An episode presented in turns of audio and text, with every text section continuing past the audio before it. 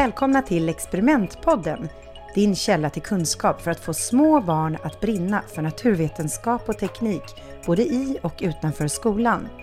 Podden är producerad av Binosi och jag heter Carolina Kjellberg. I dagens avsnitt träffar jag Kristina Söderberg som är civilingenjör i kemiteknik och framförallt farmor och mormor. Hon berättar om hur hon väcker intresse för naturvetenskap hos barnbarnen i hemmet. Hej Kristina och välkommen till Experimentpodden. Hej, kul att få vara här. Du är den första av ditt slag som är med i podden och det är så spännande att ha en far och morförälder här på besök. Kan inte du berätta lite kort om din bakgrund?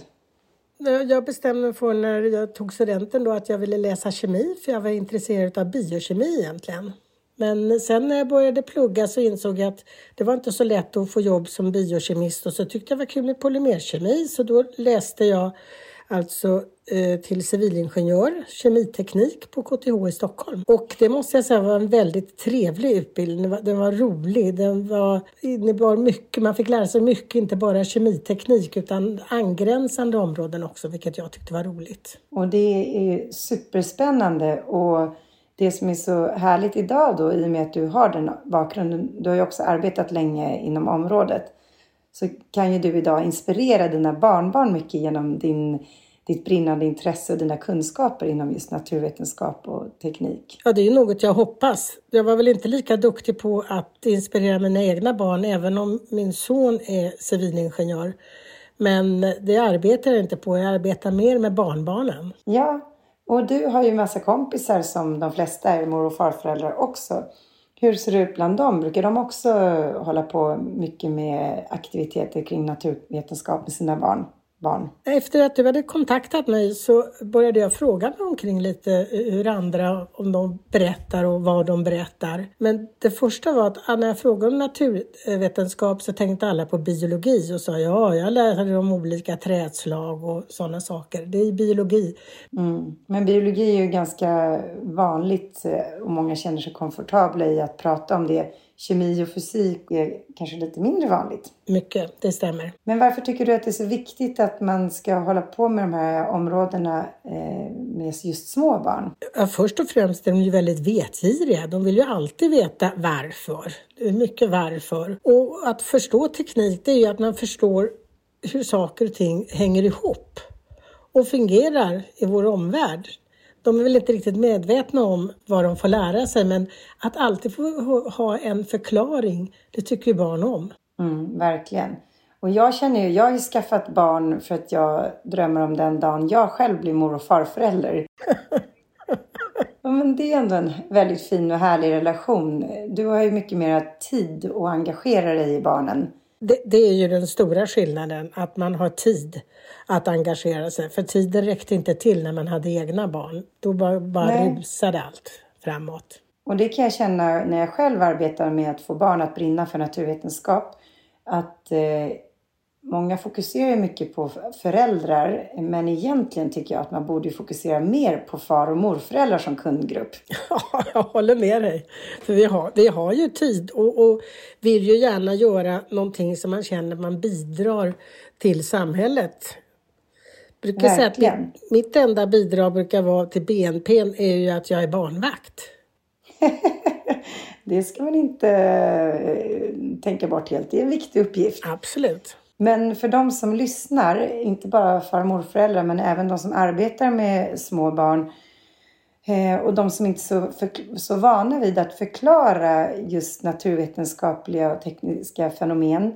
Vad gör du för att få dina barnbarn att förstå enkla saker som sker i hemmet? Ja, det, det kommer ju upp då med att jag, jag vet att det händer någonting rent tekniskt. Och oftast när jag tänker på det så har, har jag förberett det och ofta googlar jag för att se hur det förklaras och när jag får den korrekta förklaringen som man ju ibland har glömt bort så försöker jag tänka igenom hur jag ska förklara det på ett enkelt sätt. Mm. Man kan ju inte mm. alltid tala om hela sanningen, det fungerar inte utan man får försöka vara så nära sanningen som möjligt. Häromdagen så hade ju du en liten, en liten stund med ett av dina barnbarn när det handlade om ljus. Kan inte du berätta om det? Och om ljusets reflektion, är det det du tänker på? Yes. Ja, jo, hon gick på, var på ridläger och det var varmt ute, 27 grader. Och så satte hon på sig en svart tröja. Och det tyckte inte jag var så lämpligt och sa att jag tycker inte du ska ha den svarta tröjan på dig. Jo, det ville hon. Och då talade jag om att svart färg det absorberar ljuset och det kommer bli jättevarmt. Men sätter du på dig din ljusblå eller den vita så reflekteras ljusstrålarna och då blir du inte lika varm. Och så stod hon en liten stund och sen gick hon och bytte tröja. Och då blev, då blev jag lite stolt. Det där var ju ett jättebra exempel på hur lite mer förklaring kan få dem att eh, tänka till lite och ge med sig. Dessutom tror jag att när de får en förklaring som de på något sätt köper så är det lättare än att man bara säger byt tröja. Mm, jag förstår det, verkligen. Det härligaste som jag tycker när mina barn är hos sina mor och farföräldrar är ju när de får baka. Och det antar jag att du också gör ofta med dina barnbarn. Ja, baka, det är huvudsysselsättningen när de är hos mig. Vi bakar mycket. Och när vi, eh, och vid bakningen, när vi håller på med kakor, så pratar jag om äggen. Det är när vi vispar äggvitan, att inte vispen får vispa för fort så att trådarna slås av. Utan vi måste tänja ut dem successivt. Men mer är det väl när vi bakar bullar och vi håller på med gästen.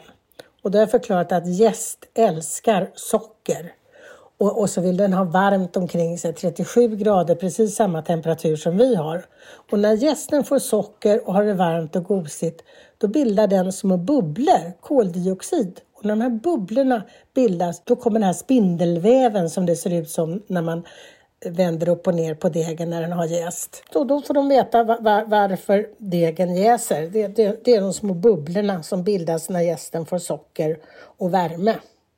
Ja, och det är ju fascinerande att den växer så mycket. Bara det undrar de ju alltid om varför den växer. Så det är ju jättebra att du förklarar det. Ja, jag är lika fascinerad själv varje gång.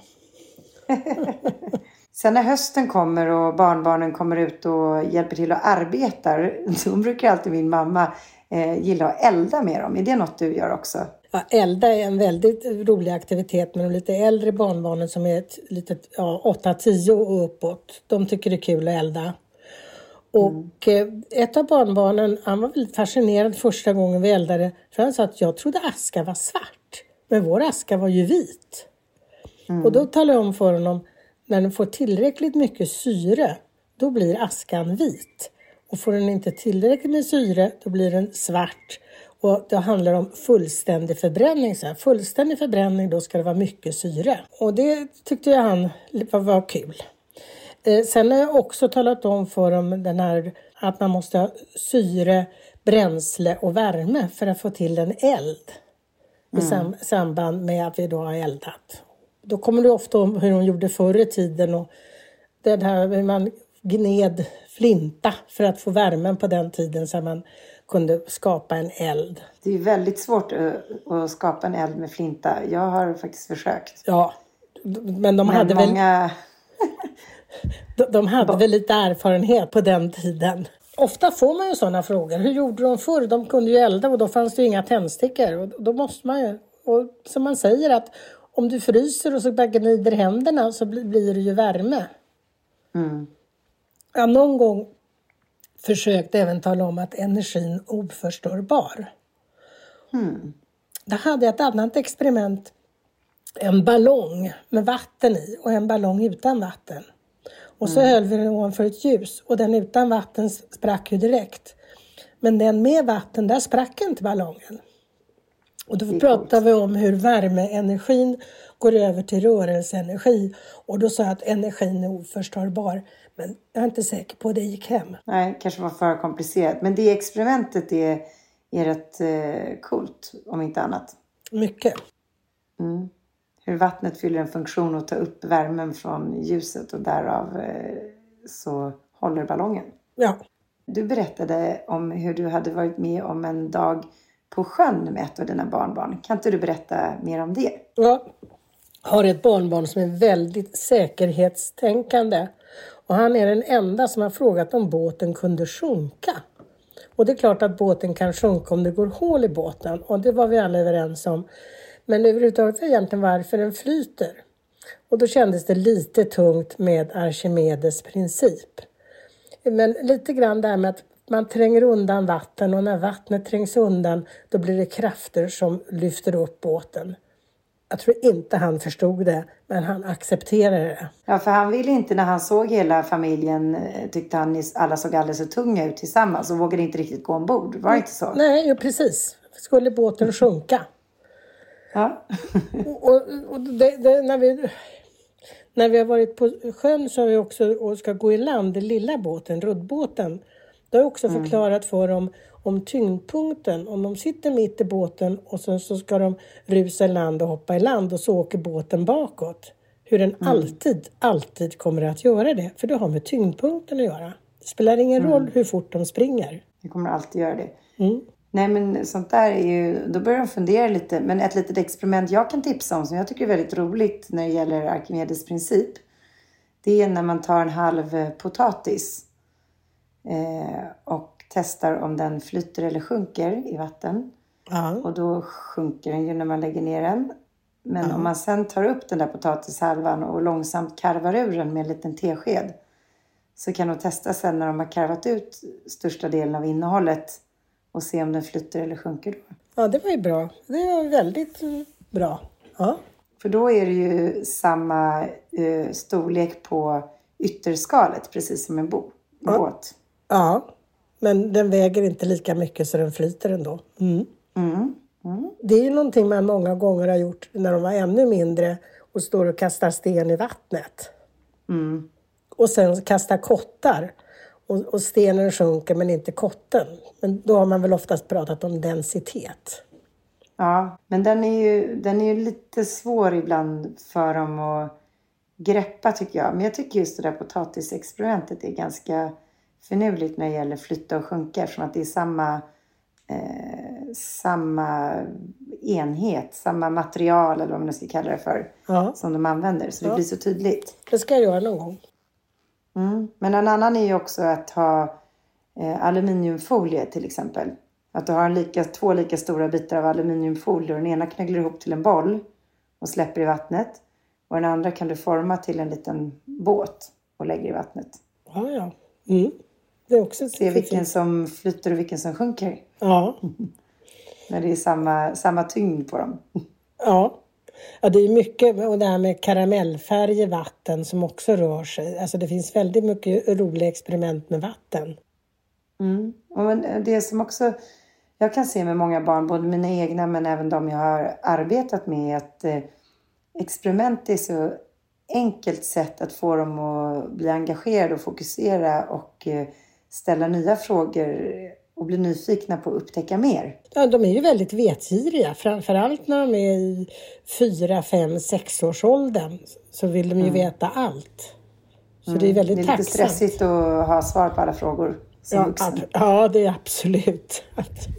Men man behöver ju inte ha det utan eh, det viktiga är ju bara att få dem att vilja fortsätta ställa frågor och undersöka tillsammans. Ja, det är också på landet när man har sett en regnbåge att tala om för hur regnbågen bildas så tydligt att man måste stå med solen i ryggen och så mm. får man se regnbågen och hur det är solstrålarna som går mot vattendropparna. Jag tror inte de förstår men i alla fall att man ska stå med ryggen åt solen. I alla fall en mm. kunskap. Mm, jättebra. Men har ni testat att göra en liten regnbåge hemma någon gång? Eh, det har ju blivit med automatik när de leker på gräsmattan med vattenspridan. Då får man ju ibland regnbåge.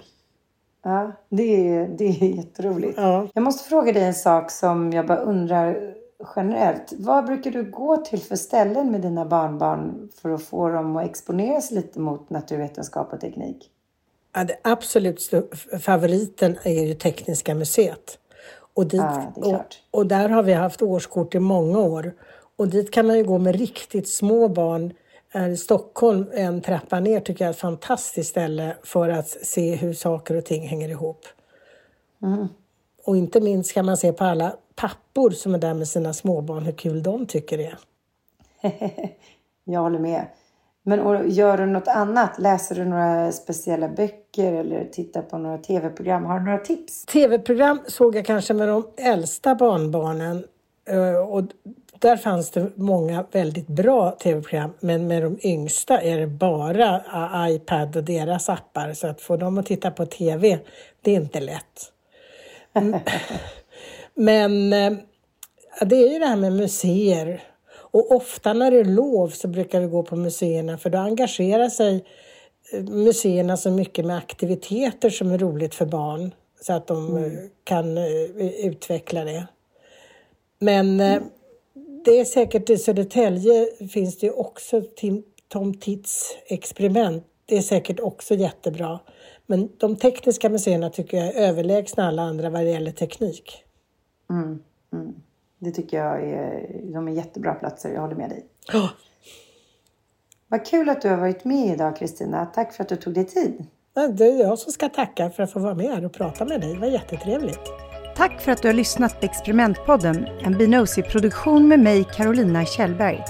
I nästa avsnitt träffar jag Mattias Jarl, som just nu pluggar till grundskolelärare. Mattias har en lång erfarenhet som extra resurs i skolan och vi kommer bland annat att prata om naturvetenskapsundervisning. Vill du få detaljer kring experiment så gå in på binosi.com och prenumerera på vårt nyhetsbrev eller vår Youtube-kanal Binosi Kids. Vi hörs snart igen.